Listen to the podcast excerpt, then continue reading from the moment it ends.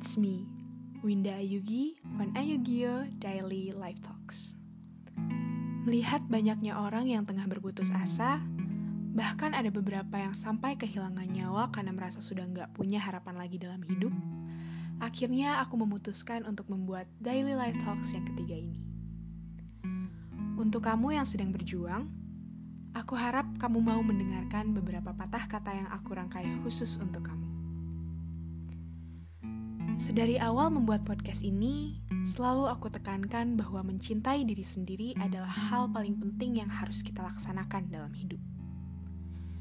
Dengan mencintai diri sendiri, kita akan punya pelindung yang kokoh ketika disakiti.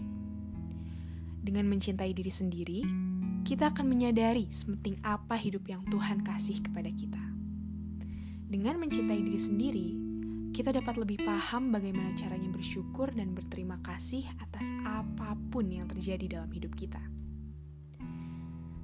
Tapi, nyatanya mencintai diri sendiri itu nggak semudah membalikan telapak tangan. Nyatanya, kita nggak bisa dengan semudah itu meminta orang yang tengah putus asa untuk mencintai dirinya dan bangkit sesegera mungkin. Aku paham semua orang pasti pernah berada di titik terendah kehidupan. Merasa menjadi yang paling lemah dan gak berdaya. Merasa dirinya gak penting dan gak berguna. Aku paham. Dalam keadaan seperti itu, akan sulit sekali mencerna dan mengerti perkataan orang lain yang bermaksud baik sama kita. Tapi teman, aku membuat episode ini bukan semata-mata untuk memaksa kamu agar cepat-cepat keluar dari zona abu-abu kehidupan. Yang aku minta adalah untuk selalu ingat bahwa apa pun yang terjadi, Tuhan selalu punya tujuan baik ketika Dia melahirkanmu ke bumi ini. Apa pun yang kamu rasakan saat ini, Tuhan selalu ingin yang terbaik untuk hambanya.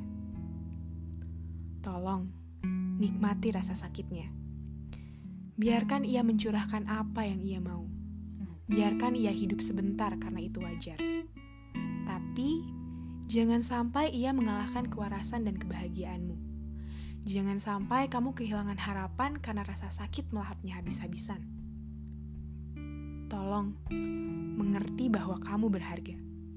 Kamu kuat, dan kekuatanmu terlalu besar untuk dikalahkan oleh rasa sakit. Kamu bisa dan kamu akan bangkit. Perlahan-lahan, tapi pasti. Maafkan dirimu sendiri.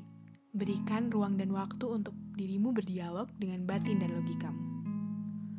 Kamu akan sembuh, kamu akan pulih. Jangan kehilangan harapan ya. Kalau kamu lelah, beristirahatlah sejenak dari hiruk pikuk kehidupan yang terkadang menyebalkan ini.